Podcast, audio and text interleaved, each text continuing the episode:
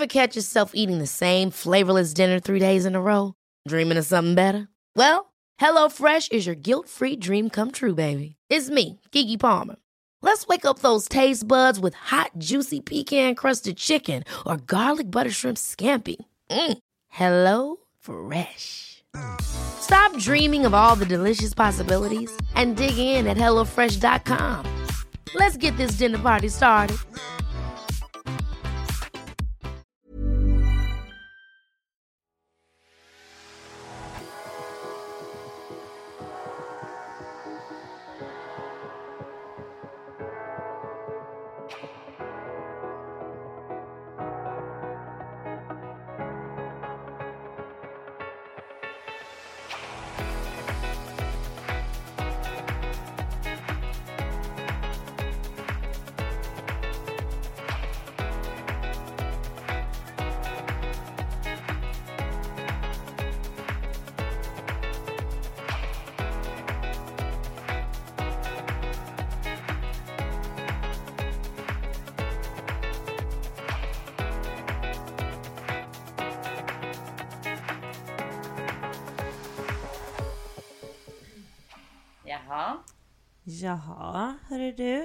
Jaha, hej. Tjena, tjena Agnes. Hej Matilda. Ja, Kul att se dig. ja men detsamma, detsamma. Hur mår du? det- Hur mår du? Nej, fy fan. Eh, Alltså du är fan semesterfirare nu. du, det är jag. Det är imorgon just nu. Nej, så mycket imorgon är det inte. Men jag har faktiskt sovit ut idag. Klockan är strax till 11. Och eh, min första officiella semesterdag kan man väl säga. Eftersom att man har haft helg egentligen innan. Nej men jag har gått på semester. det känns otroligt eh, bra faktiskt. Och jag mår väldigt, väldigt bra. Eh, jag har också en liten hund här som, Ja! som Ja, så om ni hör någon snarka eller eh, ja, kanske skälla så är det ju inte jag. det är hon. Eh, nej, och det är så himla tacksamt att jag får eh, låna henne lite, eller passa henne. Jag mår så himla bra runt hundar alltså, det är helt sjukt. Eh, och det känns som att jag blir en så mycket bättre version av mig själv. Det är så sjukt. Men eh, det är typ så. Så att eh, nej, det, det rullar på och jag har bara så här gjort jättemysiga saker nu de här dagarna. Eh, sen i fredags och bara badat och varit ute i naturen och mm, då mår man riktigt, riktigt bra. Ska jag säga. Mm. Så jävla mysigt alltså. Jag Ja. såg ju också på din story att Bella var med på eh, jobbet. Mm. Kontorshunden. Ja, hon kom... eh, Jag fick henne på, i fredags då. Så att hon fick vara med under dagen på kontoret. Det gick jättebra. Men alltså grejen är att hon ser ju kanske lite farlig ut. Men hon är ju världens, världens snällaste. Men folk kanske är lite rädda för henne. Och det får man ju respektera. Alltså dels att folk är hundrädda. Bara det att jag har ju svårt att förstå det. För att jag förstår inte hur man... Alltså, jag, jag, jag är ju så långt ifrån det så att jag... Mm. Det är klart att jag förstår och kan sätta mig in i det och respektera det som, som sagt. Men ja, man ser ju att hon har, har så snälla ögon. Så Ja. man kan ju inget annat än att... Men alltså, men jag, jag kan inte heller riktigt... Alltså, jag kan förstå så här, om det kommer typ en schäfer eller en stor så här, pitbull som drar i kopplet och man ser att den är helt så här, olydig och helt hysterisk och superstressad och eller har liksom munkabel typ. Alltså då känner man ju bara så här: okej den här hunden vill inte jag hälsa på i liksom Nej. ett stressat eh, tillfälle liksom. Ehm, Och sträcka fram handen liksom. Men, men, men annars har jag inte heller sådär att jag skulle att jag skulle vara rädd för hundar. Och samma, men, men det är ju så jäkla många som säger till mig också att de är hästrädda eller rädd för kor. Eller, och jag kan ju också bara säga, men vadå? Det är liksom, de är ju... Men det är ju det där att man är van och man vet hur man ska bete sig och man kan läsa av liksom någorlunda lite på ett, ett djur. Så här, vad är det för för typ av personlighet lite. Mm, precis, precis. Som jag såg, liksom det lilla jag har sett i Bella nu så känns det ju inte som att... Alltså hon är ju, sen är det ju skrämmande bara saken att, de, att hon är stor. Precis. Och stora hundar kan ju typ ha en tendens att tycka att de är så som små. Så att Ja, de kan så hoppa upp och liksom, de kan fortfarande tro att de är valpar typ. Ja, Och samma med små Mm. hundar, de fattar ju inte heller liksom att de är sådär små. nej. Men de känns ju mer ofarliga liksom. Men, men liksom hela kroppsspråket på Bella, det lilla jag har sett verkar ju som att hon är superlugn och väldigt sådär äh, lätt att gå Mm. i koppel och ly, alltså hon hänger bara med liksom. Ja men hon är superlätt att gå med faktiskt. Ja. Hon drar ju inte alls om hon inte typ måste göra något behov liksom. Ja, men Och det, är ju jävligt skönt alltså. Ja nej men det är dröm verkligen. Men man Mm. ser ju hur folk så här byter gata för att de typ blir alltså rädda för henne. Lägg alltså, av! Ja. Men alltså som i Sverige så kuperar man ju inte öron och sånt där. Och hon, gör, hon har ju kuperade öron och svans. Det. Och det är klart att det ger ett lite mer farligt intryck. Och det... Gjorde man inte det på rottweilers förr också? Gjorde man det på Rottweiler? Ja, jag vet. Ja. Dobermann gjorde man ju det på. Ja, dobermann kanske. Okej, det är så det är. Ja, för Mm. det känns som att de där... Um, ja, Eller men de att gör den- ju det i andra länder. Ja. Men det är ju olagligt här är det ju. Men man, man gör det alltså för att det ska se farligt ut eller finns det någon... Svansen kan ju vara för att de inte ska slå sig själva. Alltså för att den är så Jaha. himla... Det blir så starkt liksom. Eh, och gör ont. Eh, så den kan man ju förstå mer i så fall. Men öronen har jag förstått är ju bara... Det är ju mest för utseende liksom. Aj. Mm. Alltså, Så det är ju speciellt. Så man blir ju mänskligheten- så här, ja. Människor är fan sjuka i huvudet alltså. Mm, mm. Men okej, De så hon, hon är alltså inköpt eh, ifrån... Eh, Belgien är det. Ja, okej. Ja. Och de som köpte henne valde att... Alltså hon var redan Ja, skuren eller vad man säger. ja. Ja, jag fattar. Men, åh, men, alltså, ja, men alltså det blir lite sådär, men som du säger, det blir lite mer läskigt liksom. Men Ja. samtidigt så... Eh, ja, jag tycker ändå att hon utstrålar ju verkligen bara så jävla mycket värme. Och hon känns verkligen som en sån här så stor, bu- alltså sån här Bumbibjörn. Eller typ Mm. en sån här gossebjörn som man bara vill så här, mysa med. Alltså, Nej men alltså så jävla underbar alltså. Och mamma har ju fått träffa henne också och blivit Just helt det. kär alltså. Oh Ah, hon bara hon är helt bedårande. Gud vad skönt för henne, för alltså, ni har ju världens finaste hundar också. Rocky Mm. och Ossie. Mm. Men alltså de, de är ju så svåra att typ ta med någonstans ju. Eller gå i koppel och Ja. sådär. De är ju inte... De är så himla starka ju. Ja och har bara varit hemma hos mamma liksom. Ja. Så det måste ju vara så skönt för henne att typ träffa en stor hund som också så bara går med och... Ja ja ja. Det är bara det att våra hundar är ju inte kastrerade och Ah. alltså vi misstänker att hon har löpt eller, eller ska löpa för att de blev som maniska alltså. Är det Besatta. sant? Nej! Ja, nej det gick ju inte riktigt alltså. De Åh, gillar ju varandra så det var ju inte det. Nej. Men eh, de gillar väl henne lite väl mycket. Så det blev jobbigt för henne. Ja. Nej. Men, eh, vi får se. Jag tänker nästa gång om man ses så får ju vi typ börja med att gå någon promenad ihop eller någonting. Alltså Ja. så att de inte bara... Om man släpper dem fria och de bara så här går in i sitt lilla spinn i att... Sätta åh, på alltså, nu. Ja. ja, det är svårt att bryta då. ja, det är ju det alltså. Mm. Fan det där med hanhundar, det är svårt. Alltså min, min storebrorsa har ju också en, eh, en hanhund. Visserligen en eh, cockapoo. Mm. Och eh, han är ju inte, alltså jag har ju inte alls upplevt hans, nu är han två år, men jag har ju inte alls upplevt hans där äh, kåt om man säger. Men sen har jag ju inte sett honom heller med en löpande tik. Så vi Nej. får väl se när min, när min Lizzie börjar att löpa hur de kommer kunna. För Ja, de har ju för- träffats lite nu. Ja. Och de leker och leker fast alltså han är ju liksom totalt obrydd. Han tycker ju bara att hon är en liten skitunge. Så han, och han, han springer ju bara så jävla snabbt och hon försöker, alltså hon Ja. gör allt för att, för att följa med. Och hänga med i tempot och du vet och hon rabblar och hon orkar inte springa mera och han är liksom tre gånger så stor och jättelånga ben och jättestark och bara kan springa hur mycket som helst. Och hon kämpar och kämpar och kämpar för att få hänga med liksom. Och typ så här, du vet, han typ knappt kollar liksom på henne och hon bara. Vad gör väl? Och du så här, hänger liksom ner i hans hase typ och bara Hallå!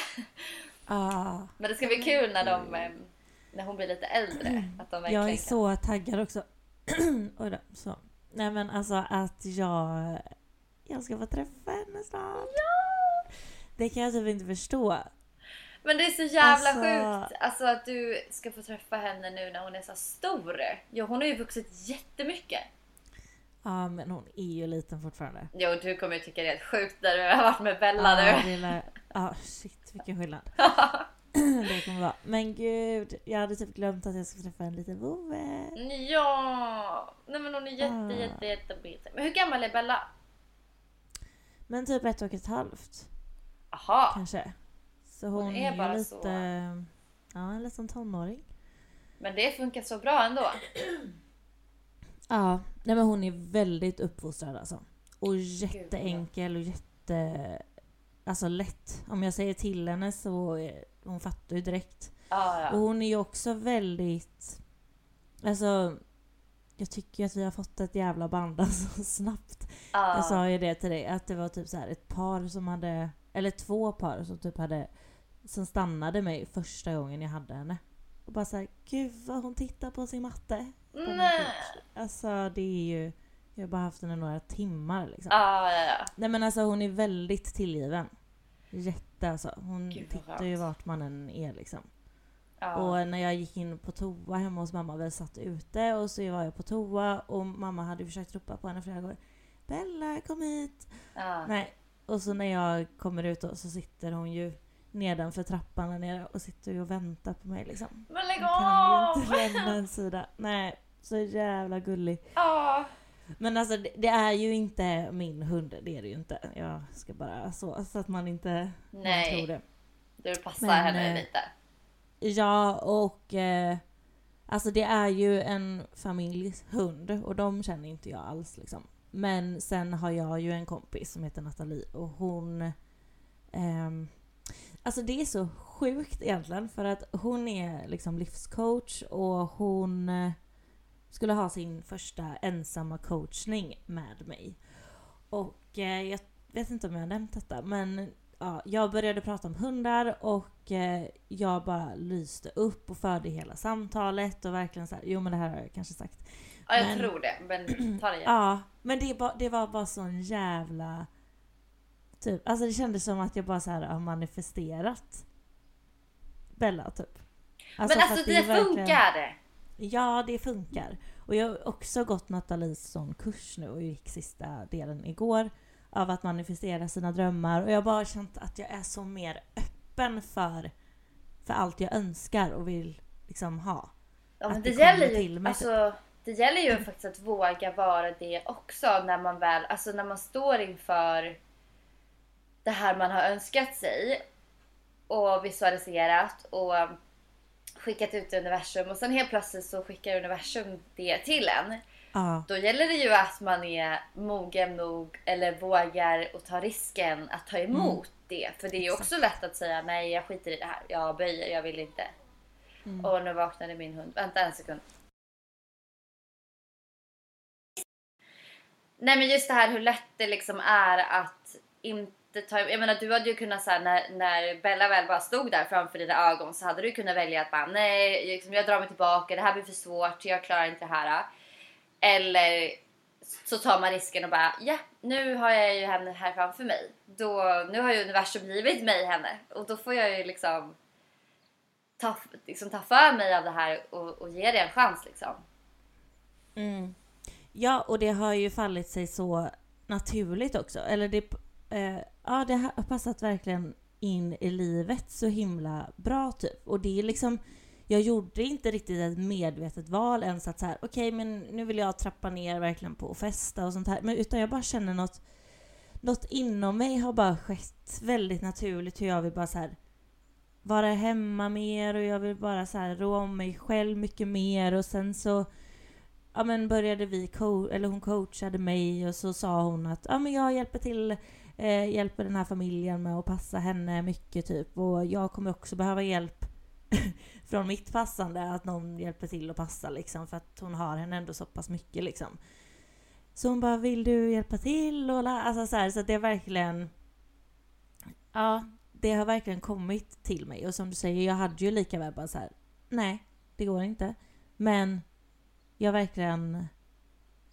Ja, det passar så bra in i livet att ha henne. Ja, jag tänker mycket på, um, på såna där grejer som jag har önskat mig. Eller visualiserat och skickat ut så här, hur mycket som helst i universum när jag har varit under långa perioder typ känt att det går motigt eller det inte går min väg och jag har liksom varit såhär, men åh, varför liksom, ja men gud eller universum eller kärleken eller vad man nu tror på. Så här, varför, varför hör han inte eller varför ger inte universum mig det jag söker och, och så här. Men ibland är det ju det att man går igenom de här liksom jobbiga perioderna och tuffa lärdomarna. Och sen bara när man kommer ut på andra sidan då är det som att man får värsta belöningen. Och det känns som att du är där nu. Du har typ kommit till en tid Ja. där du har så här, Du har gått igenom så jäkla mycket grejer. Och, och varit liksom ja, men, vissa dagar verkligen nere på, på botten och tyckt liksom att livet suger. Och du har liksom verkligen fått blivit utsatt för det ganska länge nu under ett år liksom, där det har varit otroligt trögt. Och det känns som att så här, Ja, nu är det som att du har lärt dig. Jag vet inte, nu talar jag för dig. Men det, jag bara får en känsla av att, att du, så här, du har liksom någonstans fått din läxa. ehm, och bearbetat och ältat och, och liksom försökt att att ta dig fram genom det här. Och så bara har du liksom känt att så här, jag är redo för att ta emot en förändring nu. För att jag är liksom, jag bara får den känslan att så här, du är lite klar med med din bearbetning på, på ett plan kanske. Alltså bara liksom lite grann. Ja. Vilket har gjort att det har bara skuffat upp dig. Vilket gör att universum bara yes.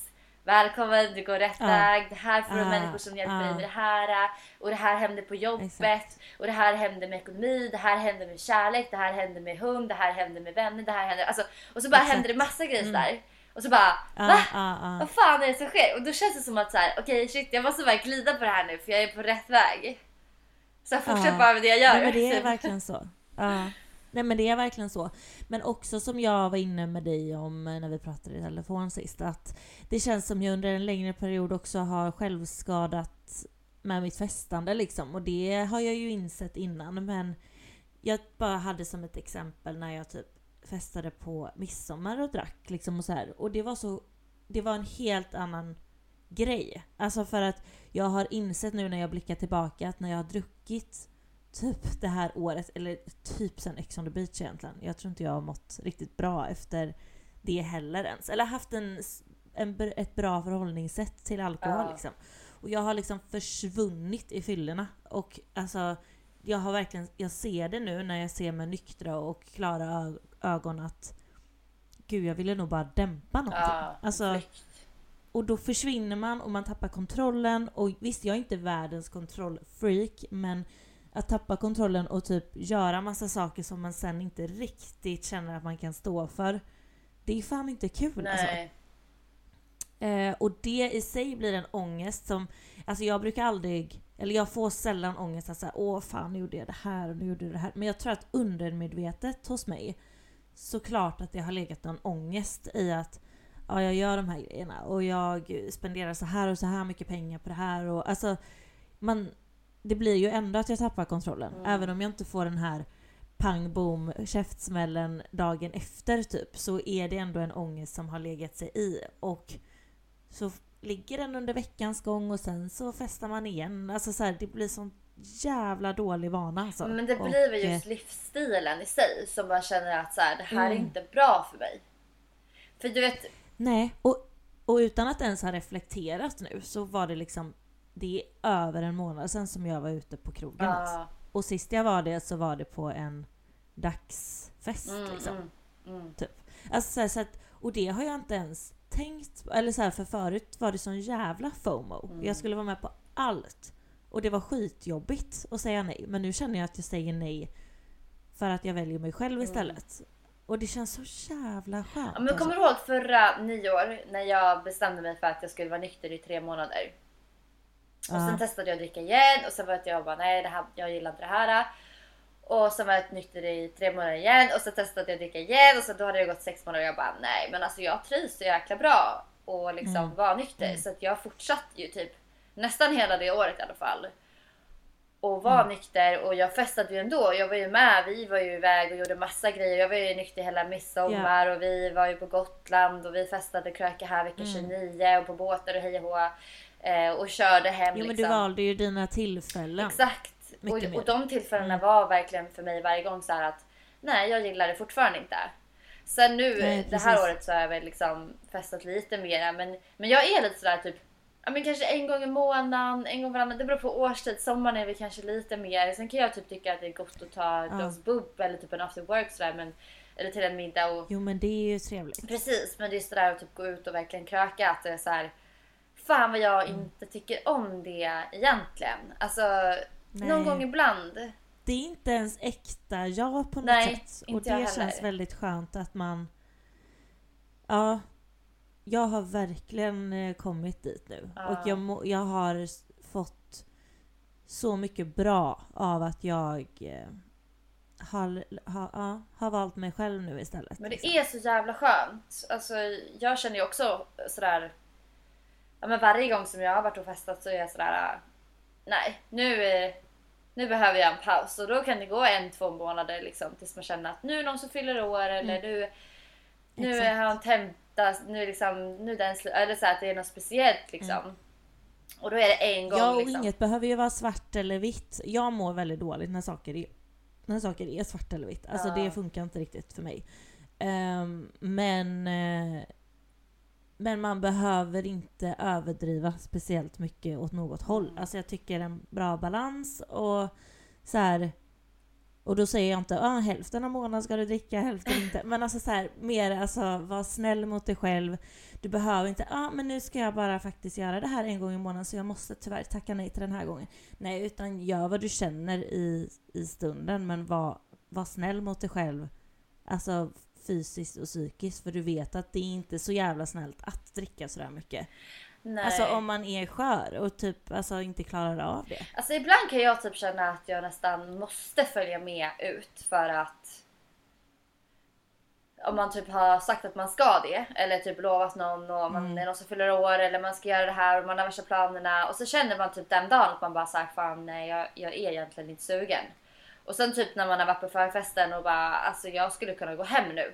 Då känns det som att man typ är värsta så här svikaren. Om man skulle bara ah, jag vill nog börja gå hem nu. Då, alltså, då blir ju folk typ helt bara nej alltså fan vad oskön du är och stanna kvar och bla bla. Mm. Och, då, och då kan det bli så för mig att istället för att gå hem så känner jag att då måste jag typ dricka en jävla massa för att palla det här. Och då blir det typ att Det man blir helt sjukt. liksom rabiat och så Ja. bara alltså och så Mm. går man loco liksom. Och det är så här, och visst, och det är ju kul. eh, Liksom, jag har ju kul ändå så. Men, men egentligen, om jag hade gjort så som jag egentligen hade velat så hade jag ju gått hem Mm. klockan 10-11. Ja, ja. Eh, och det är inte alla gånger, men ibland. Och det är väl ju sådär att man ska verkligen fråga sig själv. Och våga vara ärlig mot sig själv också. Så här, vill jag det här nu? Och sen får man offra Ja. sig ibland när det är folk som liksom... Ja men om någon... Man fyller, alltså, man fyller år eller som sagt det är något speciellt och liksom sådär. Då, ibland får man ju bara ja, nu, nu är det så här. Men, eh, men det, jag kan känna ofta att jag kan typ hänga med på vissa grejer som jag egentligen inte vill. Nej. Bara för att vara snäll typ. Nej. Nej, det har man ju gjort Ja, eller hur? också några gånger liksom. Det är så dumt egentligen. Det är jättedumt. Det är det. Men du, hur mår du? Nu tycker jag att vi pratar om det som är tänkt i det här avsnittet. Ja, åh, jag är... Ja. Åh, gud. Jag är typ helt nästan lite skakig för att prata om det här. Jag har varit så här, åh vad skönt att vi kan... vi håller oss till andra ämnen. Men ehm, Nej men vi behöver inte. nej, jag vet. Om du inte Jag vill. vet. Men eh, samtidigt så... Alltså jag har ju verkligen tänkt och tänkt och tänkt och tänkt. Ska jag liksom prata om det här äh, offentligt? Ni vet ju, ni som har lyssnat tidigare, att jag har varit såhär, jag vet inte vad jag kan säga och hur, vem jag kan lita på och så vidare. Samtidigt som jag också är kluven i att jag måste ju få vara den jag är. Och om jag nu jobbar med sociala medier och, ähm, och tycker det är kul, vilket jag gör, så, så får ju också delvis jag själv men också människor som lyssnar och, och min omgivning acceptera mig för den jag är och det jag går igenom just nu och, och att jag försöker tänka att det här är mitt liv och, och det får jag stå för. Liksom. Det, det är ingen som kan komma och säga till mig vad, vad som är rätt och fel och hur jag ska leva mitt liv eller hur jag får vara och inte vara och vad man får göra och inte göra. Sen får folk sitta och döma mig. Eh, och det gör säkert jättemånga människor. Eh, och det, det får vara upp till dem. Men i mig själv så har jag väl känt att det här är den jag är. Och och det som är fint med att så här, prata om och spela in grejer tycker jag, det är ju att saker och ting dokumenteras. Lite som, som vi har pratat om när vi startade podden, att så här, det här ska vara lite som en dagbok också för oss. Ja, där vi ska kunna diskutera saker som, som händer i våra liv. Ja, och tänk vad intressant att typ lyssna tillbaka sen och bara så här, shit, ja. vart fan var man då? Ja, liksom. eller hur? Jag tycker redan man kan höra det. Ja visst, visst. Om man skulle lyssna tillbaka. Ja, och det här är ju någonting som jag har gått igenom nu har ju varit mm. någonting som väldigt många människor gör och har gjort och förmodligen kommer att göra. Och, mm. eh, men, men, det, men jag är kluven till att berätta det här för er. Men jag känner någonstans ändå att som sagt det här är jag och min livsresa och den får finnas. Och jag, jag får mm. finnas. Även om vissa saker, man måste inte prata om det på sociala medier men men på något sätt så, så kan det ju vara någon där ute som kanske behöver höra det här och som sitter i samma mm. situation som mig eller inför mm. det här mm. eller har gått igenom det. Um, och sen finns det säkert de som tycker att eh, du är helt dum i huvudet och så här kan man inte göra. Eh, och det här är fel. Och så det finns säkert en massa olika perspektiv på det här. Och det har jag respekt för. Men jag vill att ni som lyssnar har respekt för att det här är min... Det här är, det här är mitt perspektiv.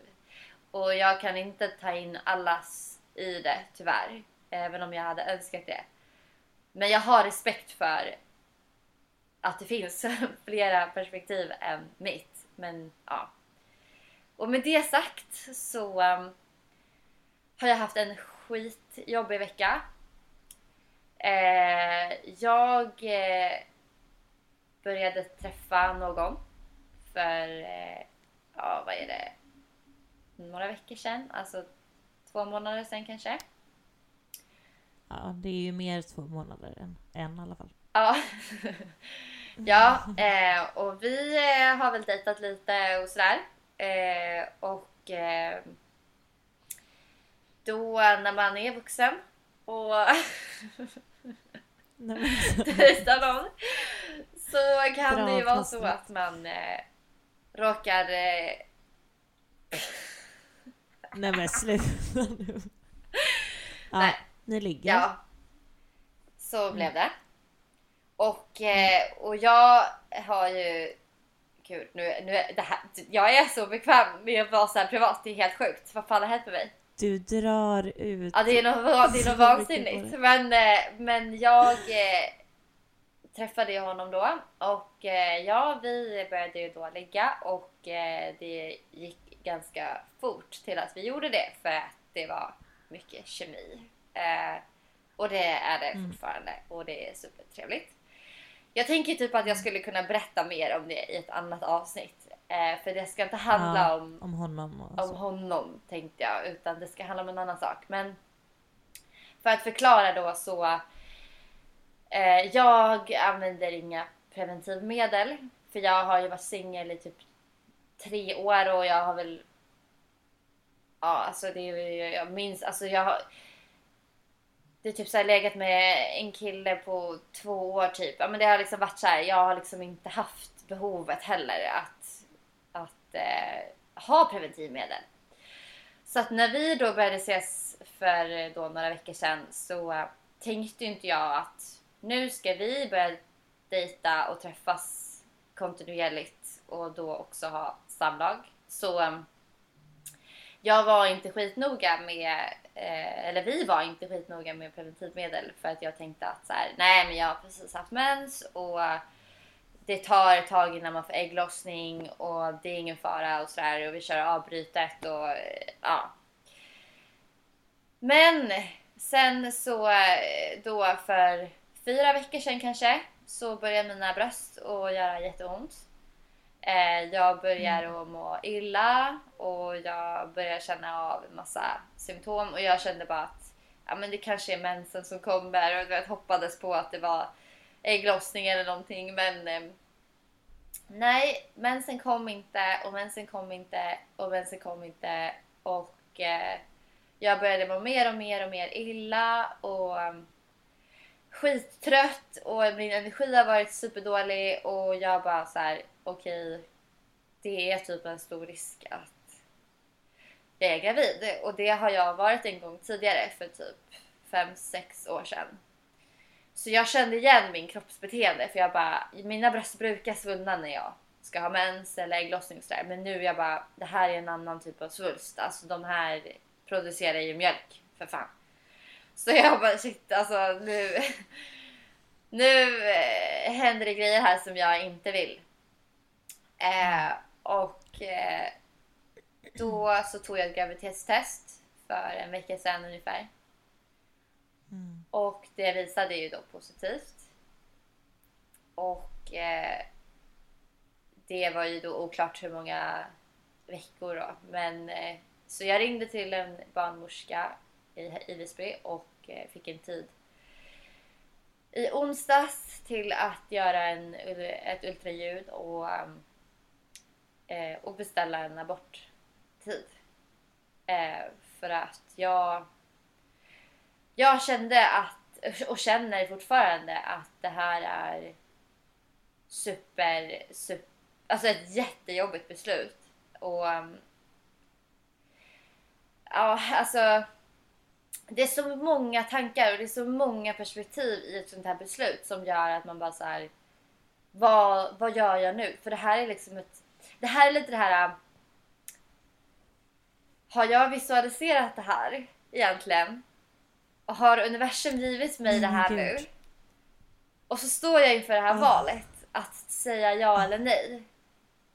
Men jag kände bara, Ja, för gud, du har pratat väldigt mycket om jag barn. vet, jag vet. Och jag stod, Be careful Ja, det- what you ja, wish visst. for. och jag kände ju bara att så här. Tänk om, man, tänk om man tar ett beslut nu som gör att... Tänk om man inte får fler chanser. Tänk om Mm, det här är min enda chans. Alltså man vet ju inte liksom. Samtidigt som, Nej, som jag och, och den här killen då har vi diskuterat det här fram och tillbaka och vi har pratat jättemycket om det men vi har varit väldigt eniga ändå att så här, vi har träffats så himla kort. Ehm, vi, vi känner ju varandra superlite liksom och Mm. Eh, han är faktiskt lite yngre än mig. Vilket också gör att han är så här, jag är inte där liksom. Och jag känner också så här, jag är mitt uppe i studier. Jag vill ju typ plugga två, kanske två eller fyra år till. Det beror på om jag vill göra en master också. Eh, och jag känner att jag kommer inte klara av det om jag, om jag ska bli mamma nu. Och jag hade, jag hade älskat att bli mamma på så många sätt just nu. Alltså verkligen. Men det finns också så många plan i mitt liv där jag bara är så här. Det hade kunnat varit bättre förutsättningar. Och jag vill kunna ge typ de bästa förutsättningarna ever för att sätta ett barn till den här världen. För att den här världen är fan inte... Den är inte lätt alltså. Nej, Och jag, som sagt, jag är student och liksom bor hemma på min barndomsgård just nu. Alltså, Men det är ju inte rätt. Det Nej, och, och det kanske är det, liksom, med honom vet jag inte heller. Och det är ju det som är så här, jag, jag vill ju liksom veta verkligen att så här, det här är pappan till mina barn när jag väljer att starta familj. Och jag skulle vilja ha, jag, jag skulle vilja köpa min, köpa min egna gård. Och ha ett fast jobb och känna liksom att nu är det stabilt för att kunna vara mammaledig och skaffa familj. Så nu känns det nästan oansvarigt att, att behålla ett barn. Men det är, alltså, det är det ju. Och som vi har pratat om, man vill ju ge det absolut bästa till sitt barn när det väl är dags för det. Ja. Liksom. Och nu är det inte det bästa. Nej, alltså, jag Alltså, hade ju givetvis löst det. det. Mm. Men, men samtidigt så är det så här, men när man får valet att kunna vänta Mm. och när vi faktiskt har det valet. Mm. Då, då kände jag att så här, vilket är ett jävla privilegie att ha. Det är ju det. Det är inte så jävla självklart eh, med tanke på allt som sker Verkligen. i världen. Verkligen. Med abortlagarna och i USA framförallt Ja. som har skett nyligen liksom. Eh, så, och, och jag menar, det finns ingen säkerhet att det alltid kommer gå för oss i Sverige att kunna göra en abort. Liksom. Nej. Och man är inte skyldig att berätta någon upp till typ vecka 18 va? Eller något? Jag tror att medicinsk abort är ju upp till vecka 9. Och sen tror jag typ, alltså nu höftar jag det här, men jag tror att skrapning är till vecka 12 och operation vecka 18. Ja men jag menar att du är inte skyldig att berätta varför Ah. Du vill göra en abort. Alltså Ah. det är ju typ... Alltså det är väl typ till vecka 18 eller 21 tror jag. Där, och då måste Socialstyrelsen hoppa in och ta Jaha. ett beslut i så fall. Det visste jag inte. Ja, men jag menar bara det är ju ett privileg... privilegie. Nej, men alltså, ja, men någonting har ju hänt. Alltså jag kan inte säga någonting Du har gått på semester, din hjärna har bara smält Ja, lite. Det det är här helt är okej. fan inte news. Ja, men... ehm, Nej men verkligen, det är ett jätteprivilegie. a- Att inte, att inte behöva ens berätta det liksom. Nej men visst. Ehm, nej och, jag, och, jag, och, den, och de tankarna mm. har jag ju gått i jättemycket också så att jag menar då har jag ändå väldigt bra förutsättningar just nu för att om man, säger, om man ser på ett genom andra ögon så har jag ju jättebra förutsättningar för att skaffa barn om jag Mm. inte hade fått Ja. göra abort till exempel. Om jag då ska jämföra Mm. med andra människor i andra länder.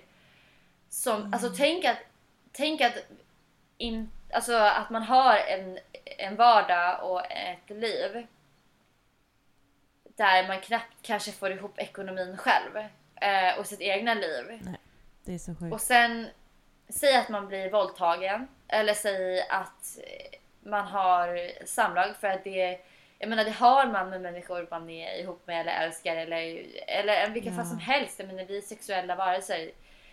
Det, Ja, och jag menar du kan gå på preventivmedel men trots det ja. bli gravid ändå. Exakt. Alltså, så bara det, att man då eh, inom citattecken tar sitt ansvar, alltså så skulle man ju ändå kunna bli det. Ja. Liksom.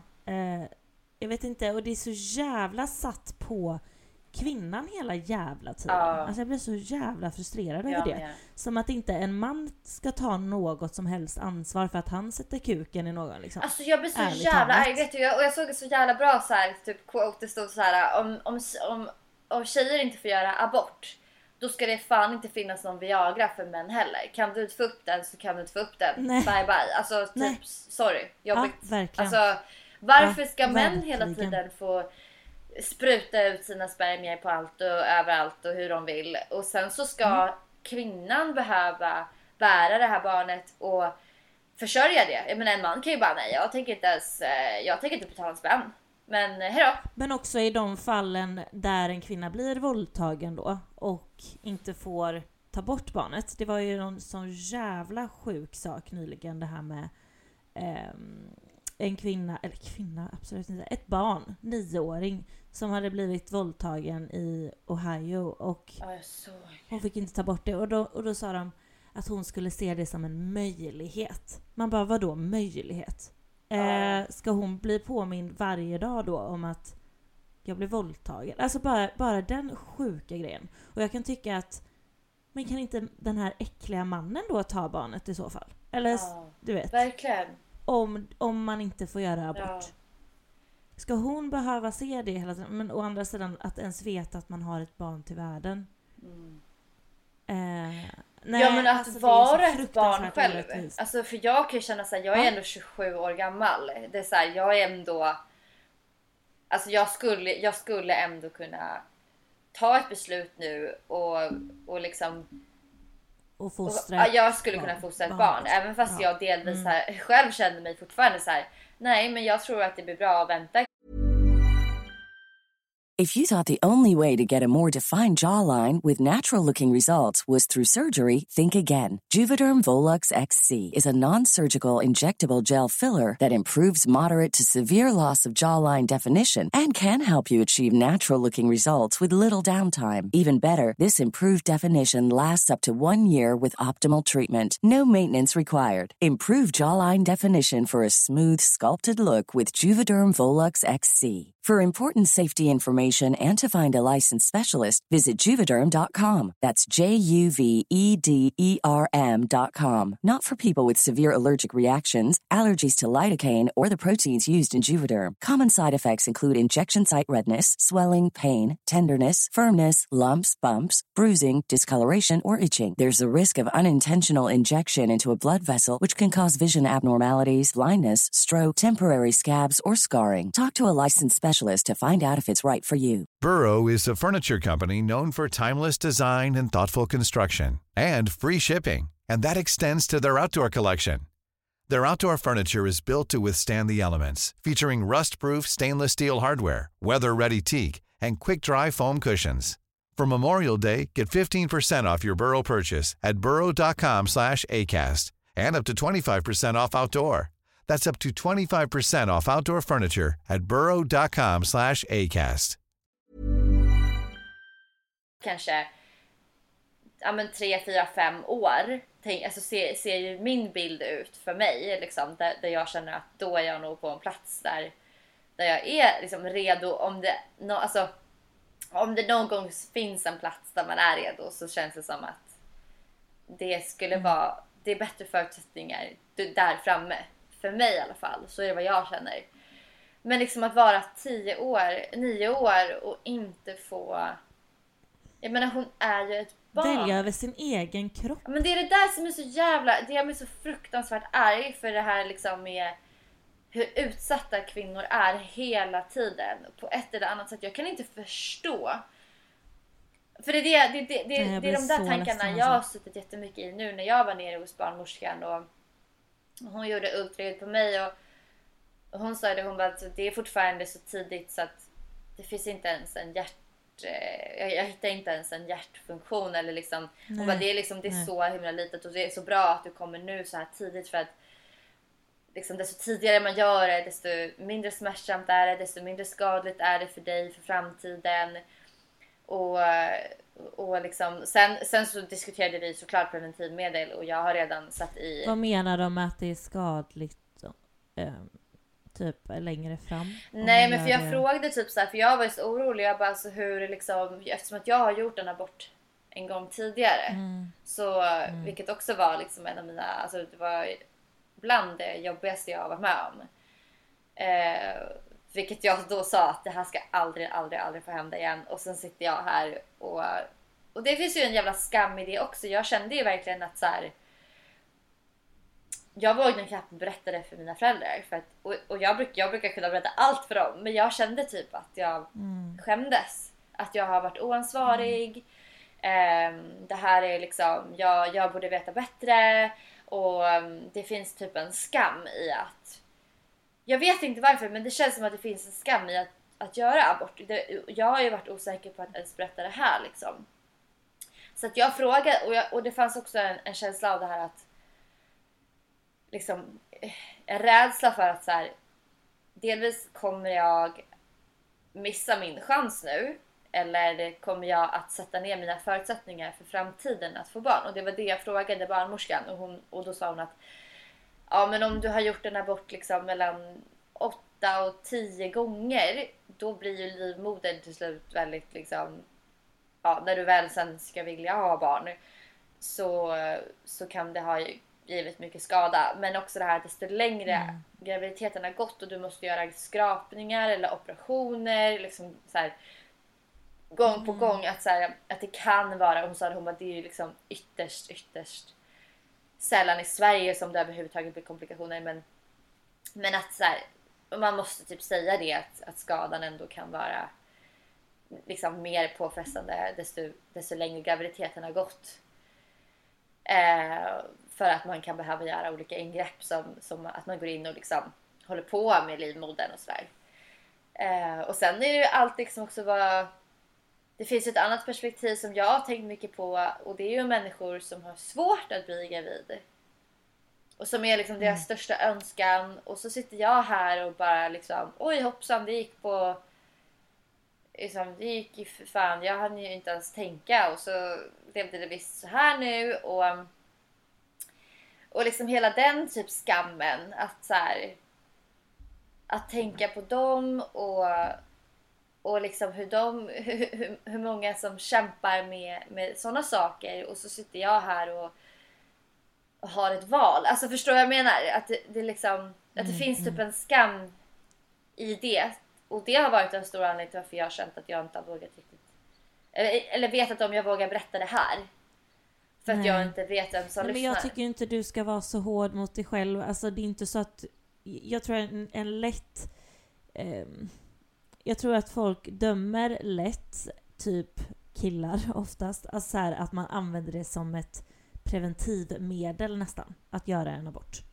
Och det, det är inte fallet här. Alltså Nej. att man, nej men då gör man en abort bara. När man inte, alltså så här, och det, det kan jag tycka är en eh, ja, lite märklig syn på, på det. Ja. Alltså jag tycker ändå man ska försöka ta sitt ansvar så gott det går. Alltså det är inte en rolig process. Eh, och Nej, alltså jag har mått jag, jag tycker man ska ha respekt alltså. för sin kropp på det viset. Eh, Nej, jag har Verkligen. mått både psykiskt och fysiskt skit. Alltså jag, och Mm. jag har redan nu, alltså dagen efter själva blödningarna satte igång så satte jag ju i p-ring igen. Så att nu är jag skyddad liksom Ja. med preventivmedel och så. Om, och jag, hur känns det än så länge då? jo men det känns, det känns bra.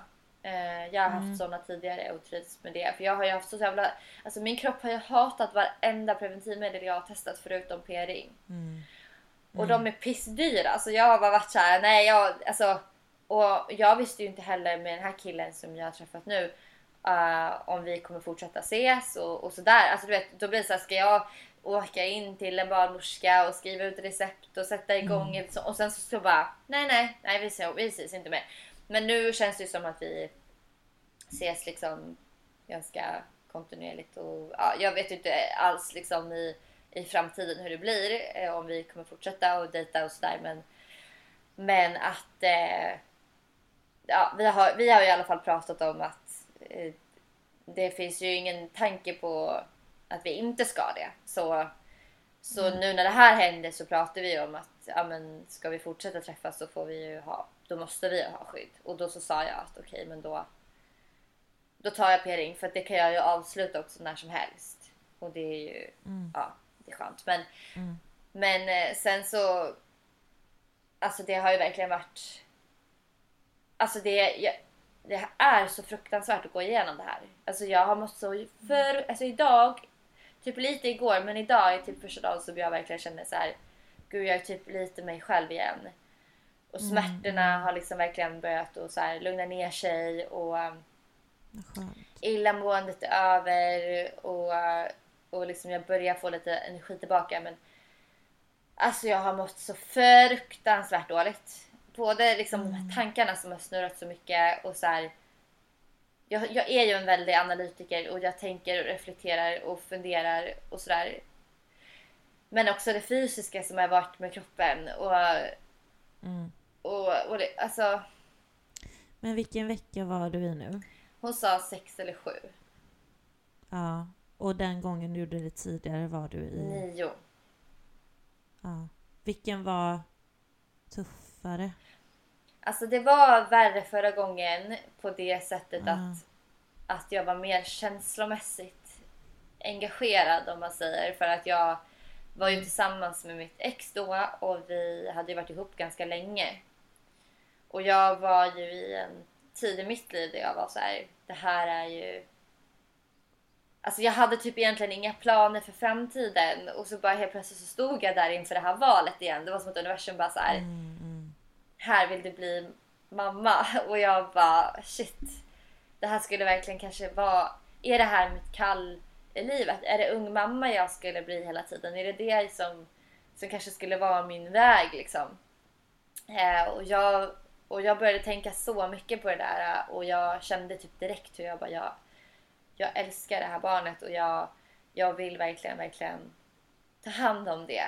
Ehm, Men mitt ex ville verkligen inte det. Eh, och det här är ett ex som eh, ingen vet eh, vem det är. Det här det här är många år sedan. Men, Ehm, men han, han ville verkligen, verkligen, verkligen inte och var väldigt, väldigt noga med det. Och bara sköt ifrån sig det liksom. Och, och, och det var ju en sorg i mig liksom också att inte få ett stöd på det sättet ifrån min partner. Och, och det gjorde mig också väldigt ledsen att jag kände att jag behövde gå igenom det så ensam liksom. Ehm, men, eh, men då tog jag ju faktiskt det beslutet. Jag visste att jag var gravid i tre veckor. Så att jag gick och tänkte på det jättemycket. Så jag väntade ju till vecka nio för att jag någonstans, jag ville ju, jag ville inte men jag hade typ önskat att han hade ändrat sig. Men han gjorde verkligen inte det och då kände jag att okej, jag vill sätta ett barn på jorden som, som ska få sin pappa. Och jag vill att pappan som är barn, nej pappan, pappan som är pappa till mina barn ska, ska vilja det. Jag, tycker, jag, jag vet att många människor tycker annorlunda och det får man verkligen göra men, men jag har en, jag, jag tycker att för mig och i min verklighet så tycker jag att det är ett gemensamt beslut även om det är kvinnans kropp som ska bära barnet och, och jag tycker att den rösten väger lite tyngre. Men det är ändå... Jag, skulle, jag, jag har väl bara en känsla i min kropp att jag inte vill sätta ett barn på jorden där pappan inte vill det. För att, att bli pappa är också lika stort som att bli mamma tycker jag. Eh, och det ska han få, få göra lika mycket som jag ska få vilja bli mamma. Alltså förstår ni vad jag menar? Jag, så resonerar jag i alla fall. Och, Ja, å andra sidan kan jag tycka att det finns undantag också. Alltså ja, såklart. beroende på situation. Men eh, det hade väl jag också gärna helst sett Ja. att... Ja, och det finns ju undantag åt båda hållen. och Jag menar, det finns ju många pappor som tar hand om sina barn och mammor som är, alltså, tar hand om sina barn och är ensamstående. Och det går ja, jättebra. och också andra som kan axla den rollen. Att det finns andra fadersfigurer i livet. Ja, exakt. Jag tror att det får man ju känna efter vad som är bäst för sin unika situation. Liksom. Ja, och det är det jag Men, eh, menar med att så här, för mig och i mina beslut och i min verklighet så är det så här jag resonerar. Och det säger inte jag är rätt eller fel utifrån vad någon annan vill göra. Utan jag säger bara att det är så jag tänker i min värld. Ja, och det är helt rätt. Ja, och därför så tog jag det beslutet att jag tog bort barnet. Eh, och det var jätte, jätte, jättejobbigt för mig då. Och det var, det var jobbigare psykiskt. Alltså jag var ju sjukskriven två månader efter det. Ehm, jag kunde inte jobba. Alltså jag var jätte, jätte deprimerad och jag var så ledsen över det här. Och det var ju också givetvis mycket hormoner och, och sådär att kroppen skulle ställa om sig tillbaka och så. Men, men det var skitjobbigt alltså. Eh, och sen gjorde det fysiskt, det var fysiskt mycket jobbigare eh, under längre tid än vad det här var nu. Eh, men det som jag har gått igenom nu har varit det har varit lättare i det beslutet att jag har typ en annan plan på min framtid just nu. Att jag står i det här, men jag, jag är student, jag, ska ju precis, jag håller på att utbilda mig till något som jag älskar och jag utbildar ju mig för att jag vill liksom bli en jävligt bra människa med erfarenheter och kunskaper som gör att jag kan fostra barn på ett bra sätt och ge barnen och liksom en familj en, en bra framtid. Mm. Och då känns det så här, fas, alltså så här fasiken att, att jag var tvungen att stå inför det här beslutet nu för att Alltså det är ju verkligen det där blue och red pill liksom. Det här matrix, alltså typ så här, ska du ta, alltså så här, Mm. Det är så jäkla jäkla svårt. Eh, men sen har det ju varit eftersom att jag har pratat med den här killen då mycket om det här och, och han har ju också känt samma som mig. Så har vi ju ändå liksom stått eniga i att det här är det bästa beslutet just nu. Och det känns fint att känna att vi är kompatibla. Liksom, om det skulle finnas en framtid för oss så, så är vi fysiskt kompatibla att skapa familj och det är ju en fin sak att känna på ett sätt. Och, Absolut. och sen har det faktiskt också stärkt mycket i vår relation för att han har varit jättestöttande. Han följde med mig ner till barnmorskan och han har varit med på ultraljudet och Så jävla fint. Ja men alltså han har varit med mig sen jag kom upp från sjukhuset och tog den första tabletten och, och sett mig må skit i typ fyra dagar och ändå liksom Mm. Alltså gud, jag tycker så synd om honom. Alltså, alltså, det är så, alltså det är så jävla jävla fint och det har verkligen känts så här, Det har liksom också stärkt vår relation jävligt mycket för att ja, det är ju inte jättetrevligt att typ känt någon i två månader så ligger man här och typ kräks och blöder och skriker av smärta och ligger och svettas och frostar och, frossar och fryser och alltså mår verkligen skit. Alltså det är kanske inte så man vill visa upp sig i början av när man typ har börjat dejta någon. Men, men det har också gjort att så här, det har varit nu så här i efterhand så känner jag Man blir ju, men ni fördjupar ju relationen. Ja och att han ni. liksom ändå Och det står gör pall. ju genom Liksom. att vara med om saker. Ja, ja verkligen. Och det har känts jättefint. Och, Mm. och så. Men nu, nu är det värsta över och beslutet är ju gjort och taget. Och nu är det väl bara, jag vet inte, någon vecka eller några veckor. De sa att det kan vara olika hur länge man blöder och, och sådär. Men som sagt, jag satt i preventivmedel och eh, nu är det bara att så här, komma tillbaka med mina hormoner. Eh, och det kan ju ta typ en månad tills nästa mens och sådär. Tills nästa cykel har kommit i ordning igen. Ja men precis. Ehm, men ja, det har varit tufft alltså. Ska inte, ska Ja. inte ljuga. Både Och du är fysiskt väldigt modig som pratar om det tycker jag. Tack. Ja, Jättemodig. ja. Kände du förresten ehm, alltså vilket samlag det typ var som du blev gravid på? Nej, nej, inte den Nej. här gången. Men min förra gång. Gjorde du det? Ja, Det är så sjukt alltså. ja. För vissa gör ju det, att man känner ett litet klick. Jo, den här, den här ju- gången gjorde jag inte det. Nej, nej. Så jävla spännande alltså. Ja, För jag, jag gjorde ju också det när jag ehm, blev gravid. ja, du har också gjort det. Mm. Men det är ju som, ja, men som din förra. Det var senaste då, så, eller ja, min första gång. Och alltså... Jag hade inte haft skydd på flera år då. Jag trodde verkligen inte jag kunde bli gravid. För att jag hade varit utan skydd jättelänge. Men jag mådde väldigt, väldigt dåligt av preventivmedel. Ja. Men man gör ju det. Alltså det är så stört. Ja, ja, man gör ju det. Och sen så var jag ju ung. Väldigt ung. Ehm, så, eller väldigt ung. Men jag var... Det, nej, det var jag inte alls. Gud vad jag ljuger. Men jag var kanske inte så ansvarsfull då. Eh, och levde ett jävligt vilset liv. Eh, och eh, då vet jag att jag verkligen kände ett, lit, ett litet klick liksom. Eh, men alltså det var inte så att jag tänkte på det då. Att, ah fan, ja nu blir jag gravid. Utan det här kom till mig sen när jag förstod att jag var det. Att, ah fan det var den gången liksom. Också när man räknade på det. Men ehm, jag gick ju så himla långt med min graviditet. Och jag... Eh, ja, jag var ju en riktig jävla ragata alltså. Och jag har ganska svårt Men vänta nu, att- vad menar du? Va- Vadå, vadå Lagata? Och hur länge? Jag gick ju till veck- äh, Jag fick reda på det när jag var i vecka 15. Åh jäklar. Eh, och så gjorde jag en abort då i vecka 16, tror jag. Ja. Ja. Eh, nej men jag, jag, det var, alltså jag kände att jag började få svullna bröst och sånt där. Men det kände jag typ bara så här, för jag har ju aldrig riktigt haft så mycket bröst. Så då tänkte jag, åh, lite sen pubertet kanske. ja men alltså var helt efter... Eh, men sen, alltså jag var så jävla otrevlig. Alltså jag blev så, alltså jag bråkade med så mycket grejer. Alltså, nej men alltså det var, jag var inte nice alltså. Jag var så arg.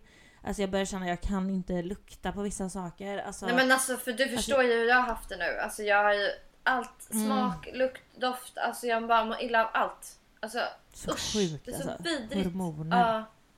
Ja. Men då kände jag verkligen så här: nej men Matilda nu får du faktiskt gå och kolla det här. Eh, och då gjorde jag ju det.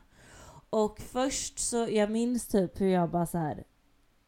Alltså jag blev så glad när hon sa att jag var gravid. För jag trodde ju inte att jag kunde bli det. Så jag, stod, jag fick så konstig reaktion. Jag bara alltså blev jätteglad och började skratta. Och sen typ en sekund efter, stora läppar. alltså, alltså så instabil. Um, men eh, de bara det här är ju, du har ju gått väldigt långt liksom. Eh, och då, eh, ja så de fick ju se till att hitta en jäkligt snabb tid. Eh, och det gjorde de. Så jag fick ju göra, jag tittade på det nu för jag har alltid tänkt att, men gud jag födde ju typ ut barnet liksom. Men å andra sidan tog jag ju tabletter så att det var ju, det blir ju fortfarande en medicinsk abort. Bara det att det finns tydligen en tidig medicinsk och en senare. Eh, om man gör en vecka efter vecka 12. Och det gjorde jag ju då uppenbarligen. Så att jag tog ju, eh, jag fick komma in och ta en tablett och sen så fick jag göra det dagen därpå. Eh, och då fick jag ju stanna på sjukhuset i flera, flera timmar. Och då gick man gick ju runt där som att man typ skulle föda barn liksom. Och sen kände jag bara, fan jag måste bajsa. Oh. Eh, och det var det ju inte då. Så att då sitter man ju på toa och de hade ju förberett med och lagt liksom papper och så i toaletten. Mm. Eh, ja, och ut kommer ju. Alltså det här är fortfarande något som jag tycker är... Alltså det är ja, känslomässigt och det är jobbigt att... Att det på riktigt kom ut en bebis. Åh gud. Som hade naglar, som hade liksom... Alltså jag såg varje struktur. Ja. Och det var tufft och jag bär med mig det än idag liksom. Ja. Och jag minns också, alltså ni kommer tycka jag är helt sjuk i huvudet nu, men någonting hände och jag fick för mig då att ta bilder på Nej. mi- mitt lilla barn, tänkte jag. Ja. Så det, en tid efter så var det så här. Alltså jag, nej men alltså det här är riktigt sjukt. Men då, tog du bilder med din telefon? Ja, ja. Nej. Så jag kunde ju så här titta tillbaka på... eh, på ja, men jag, jag kände, jag hade fått ett band till... Alltså när jag fick reda på att jag blev, var gravid. Så det tog inte lång tid innan jag fick ett sjukt band till att jag hade ett barn i magen. Och efter att jag hade gjort det här så var det som att jag kunde inte riktigt släppa det. För att jag fick reda på det så sent och så... Jag hade inte fått bearbeta det så länge. Så Nej. jag behövde typ bearbeta det lite efter. Och det var nog något sätt för mig att bearbeta det. Genom att så här, titta på det lite och bara så här, okej men det här var mitt barn. Ja. Eller det är mitt barn. Alltså jag, jag fick någon sån jävla konstig känsla minns jag. Men, och ja. jag vet inte, det är ju massa hormoner man har och det är liksom... Jo, och du var så långt gången Ja. också så måste, då är det ju ännu mer. Alltså jag kan ändå relatera, jag, jag tog ju inga bilder på själva fostret men min första gång så var det ju verkligen sådär också att jag, precis som Ja. jag sa, att det var som att så här, jag bara älskade det här barnet direkt. Mm, mm. Och jag kände ju också då på ett helt annat sätt hur... För att det hade ju gått tre veckor till än vad det hade gjort nu. Så nu kändes det bara som att det var liksom blodklumpar som åkte ut. Mm, Men då var det ju verkligen mycket mer. Eh, Mm. Och, eh, och jag minns också den där känslan av hur jag typ kände att så här, nu åkte det ut. Och, alltså, och det var så, alltså jag var så sorgsen men jag hade ju ändå haft tre veckor att bearbeta det här på. Exakt. Som inte du, du Mm. hade en vecka. Och Ja. det är faktiskt en Ja, helt och annan att sak. ut kommer en bebis. Ja. Alltså på riktigt liksom. Ja. Bara att den är lite mindre. Ja, det måste ju varit Så helt jävla sjukt. Har du kvar de här Ja, bilderna? Alltså inte på min nuvarande telefon. Alltså jag vet att jag aldrig tog bort dem. Det gjorde jag faktiskt inte. Men jag vet inte fan vart de bilderna Alltså om finns. du hittar dem så måste du visa mig. För att vet du, jag har kvar, jag har kvar en bild ifrån min förra graviditet. Fast själva Ja. ultraljudet. Ja. Det har jag aldrig slängt. Jag har fortfarande kvar det. det här, den, den här gången fick jag ingen bild. Men jag kände ju inte heller att så här, du ville... ja, men det, det var inte samma sak den här gången och det gjorde mig också lite så här, men gud vad, vad, är det, vad är det för fel? Men jag tror att det har att göra med typ att, Mm. att det här är liksom med, med en kille jag precis har liksom lärt känna. Mm. Och, så, och det har bara gått Precis. så jäkla fort allting. Mm. Och, och jag har mått så jävla illa. Alltså jag... Ja, fy fan jag har mått dåligt. Så jag har liksom inte... Och du ska ju komma nu på onsdag och så Mm. kommer ju alla, hela gänget på söndag. Och, du vet, så här, och jag kände bara, ska jag, ska jag göra det här efter att ni har åkt? Eller ska jag göra det här innan?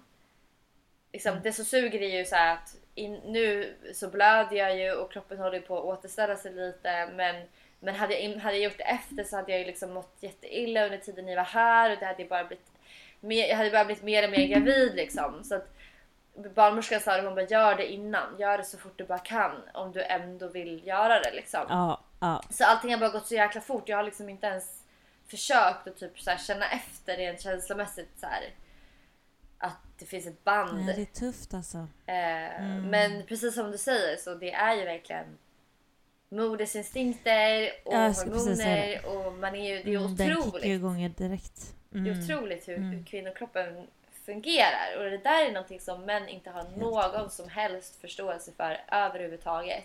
Så att när man liksom säger att man inte får göra abort eh, och någon annan bestämmer över ens kropp, alltså det är Ja, så för jävla det handlar fel. inte heller... Det handlar inte om att kvinnor tycker att det är roligt att göra en abort. Alltså det där är bland det värsta jag har varit med om. Verkligen, liksom. verkligen.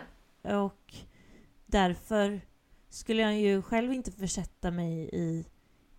Eller så här, jag har försökt motverka den situationen igen Ja. såklart liksom. Men men det är alltså det är som att män typ tror att man tycker att det är kul på något sätt. Ja, Mm. nej men det är bara att göra en abort.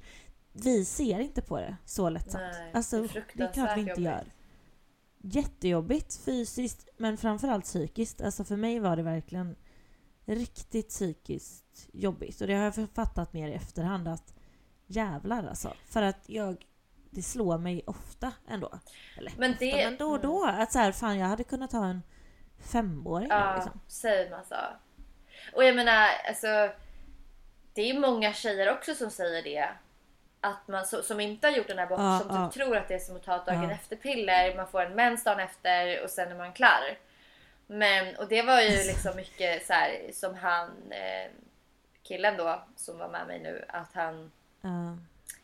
han sa ju också det så här, shit vad man har lärt sig mycket liksom. Så här, eh, det här trodde man ju inte att det innebar att göra en abort liksom.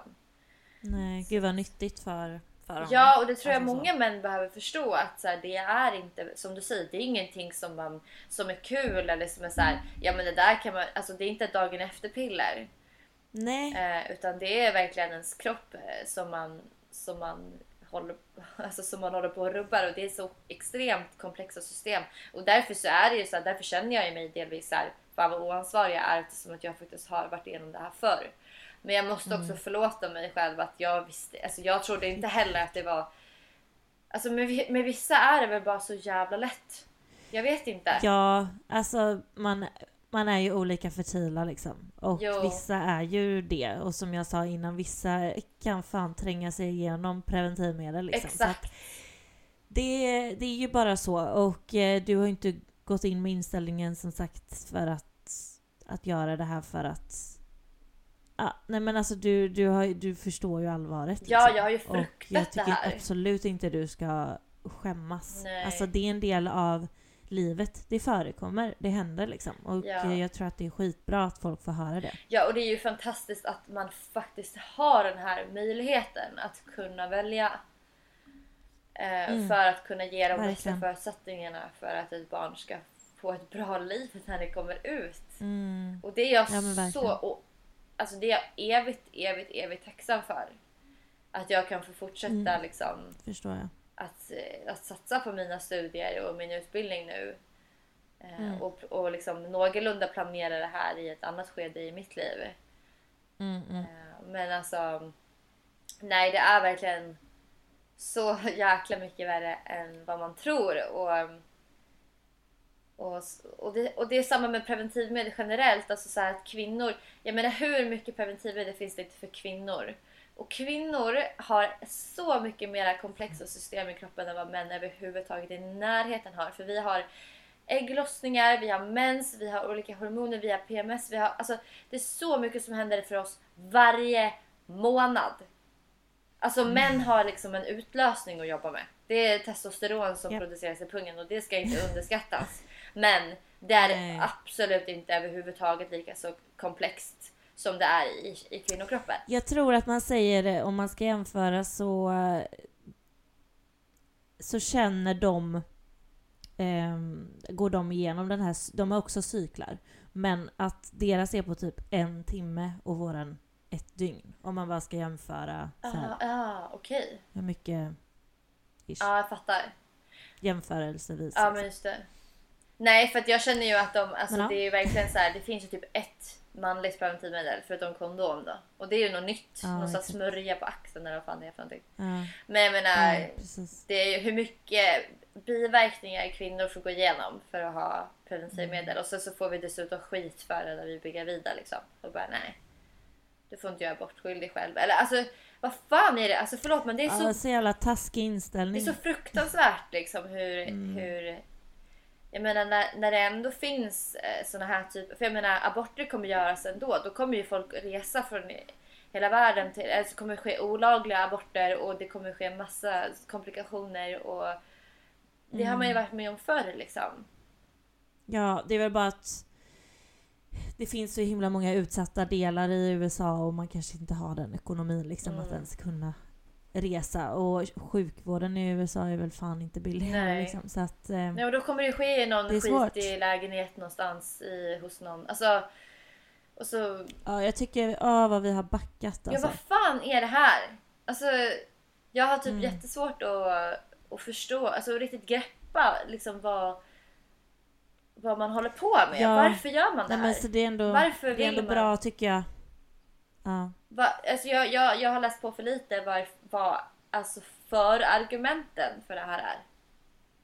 Men det är ju någon lag som eh, var på 1970-talet som har hävts nu. Men varför? Och... Alltså varför? Ja. Varför har man hävt den? Alltså vad liksom... Jag vet faktiskt inte 100%. Vi får kolla upp Men, där. eh, Ja, men i vilket fall som helst så vill jag ändå bara typ säga att så här, jag nu i efterhand när jag har lyssnat klart på det här avsnittet kanske jag kommer känna så här, fan också jag skulle ha sagt det där och det där och det där och nu missade jag det och jag tänkte på det här men men eh, ni som lyssnar, jag bara verkligen ber er om att liksom så här var lite snälla mot mig. Nej, men att jag, jag vill verkligen prata om det här för att jag delvis att det är en del av mitt liv och det är vad jag går igenom just nu.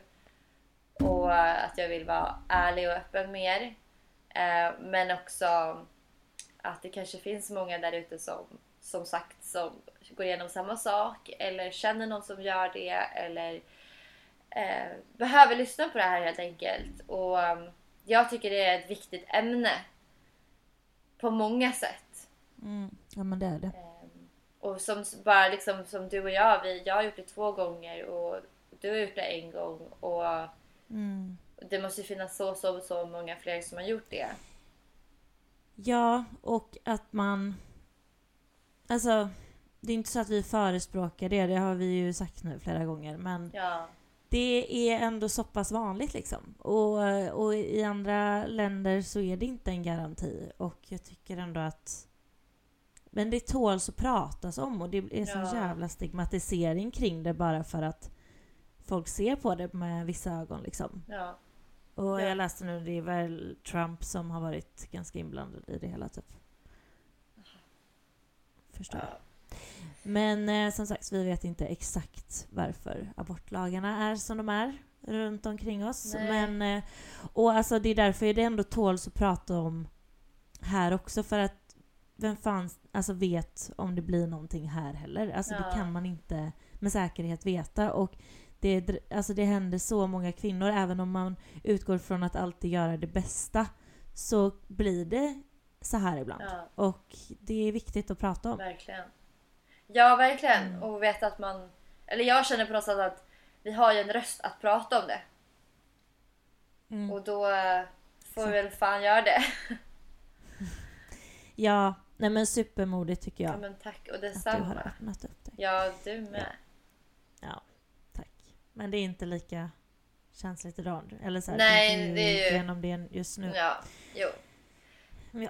Men så är det. Men eh, Men we'll make it through. ja, we make Honey. it through. Och tack så jättemycket för eh, alla er som eh, lyssnar. Men först så ska vi väl ändå avrunda med ett litet co-out. Såklart.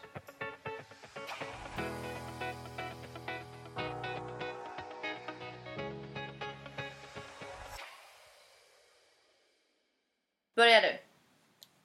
Okej. Eh, min är väldigt, väldigt, väldigt kort. Eh, men väldigt eh, bra att tänka på. One breath, one step, one day at a time. Och eh, jag tycker att vi stressar upp oss lite väl mycket och nu är det semestertider och allt vad det är. Försök inte planera så jävla mycket. Alltså försök vara i nuet så mycket du kan och ta varje dag liksom som du kan. Eh, vi mår inte bra av den där stressen. Och bara så här. Ja, ta varje dag som den kommer. Jag tror att det är så himla, himla viktigt. Och andas och tänk tacksamhet. Så, så tror jag att du kommer gå in med en otroligt bra känsla inför livet generellt. Men viktigt att kunna andas och bara ta det lite lugnt. Som Björn Borg brukar säga, en boll i taget. Ja, där bjöd vi på ett litet Jag såg den eh, filmen igår. Jaha, jag har inte sett den. Tyckte det var en bra grej. Ja, men absolut, absolut. Ja, om man är tennisspelare så är liksom, ja, det är samma med livet. Ja, en jag boll i taget. Ja. Ja, ja, men det är bra faktiskt. Ja, Man behöver inte tänka tusen steg framåt. nej. Nuet, för fan. Nu. Okej, mitt quote är ju då givetvis till Swan, Ja. som vanligt. Hon är ju klok alltså. Hon skriver. So many adults are just very large children who were never seen, heard and felt and understood and allowed and able to be. Och det känner jag jättemycket att det kan kopplas lite till ämnet idag, liksom varför jag känner att jag behöver vara mera redo för att sätta ett eget barn till jorden är ju för att jag själv ibland, det kommer väl mer mindre alltid vara, men man kan ändå sätta förutsättningarna för något större liksom och, och tryggare och starkare. Där jag behöver reda ut en del av mina barndomstrauman och mitt liv Mm. för att kunna ge förutsättningar att kunna ge ett barn en plats där den kan vara sedd och hörd och förstådd och allowed Mm. att vara precis just det som den är. Så att inte jag ska sitta med mina problem och största liksom bearbetning och trauma, jobb och, och grejer. Alltså så här, jag känner att har jag tiden att kunna jobba med det ganska mycket nu med min egna personliga utveckling, vilket man alltid gör mer eller mindre.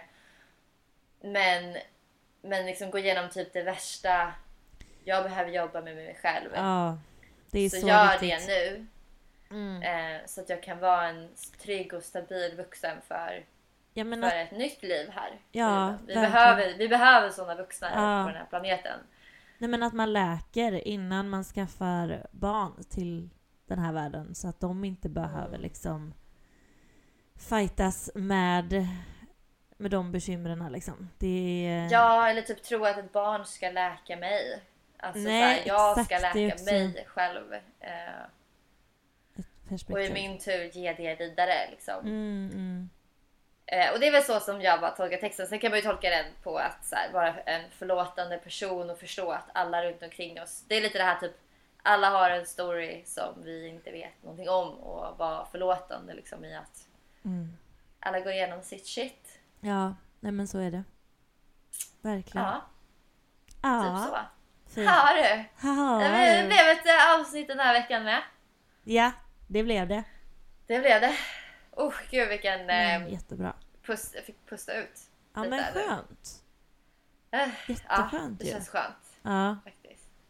Så tack stolt. för att ni har lyssnat och eh, hoppas att eh, jag inte har gjort någon ledsen eller upprörd eller liknande och kanske bara Mm. genom att öppna upp mig själv göra att någon annan kanske också vågar göra det. Mm. Helt enkelt.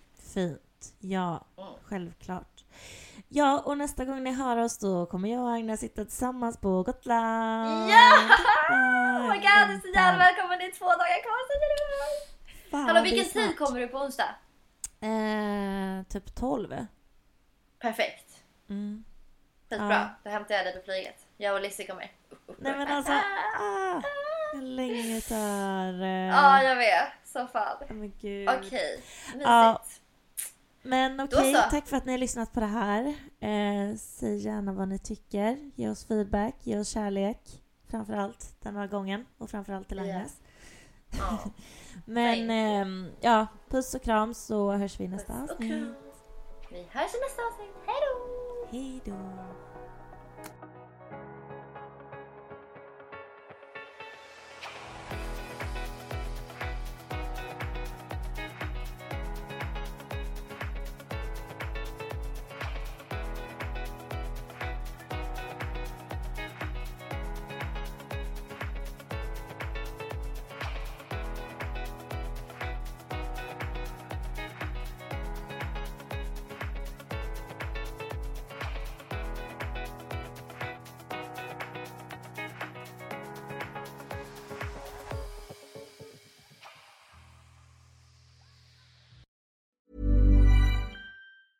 Planning for your next trip? Elevate your travel style with Quince. Quince has all the jet setting essentials you'll want for your next getaway, like European linen, premium luggage options, buttery soft Italian leather bags, and so much more. And is all priced at 50 to 80% less than similar brands. Plus, Quince only works with factories that use safe and ethical manufacturing practices. Pack your bags with high-quality essentials you'll be wearing for vacations to come with Quince. Go to quince.com slash pack for free shipping and 365-day returns.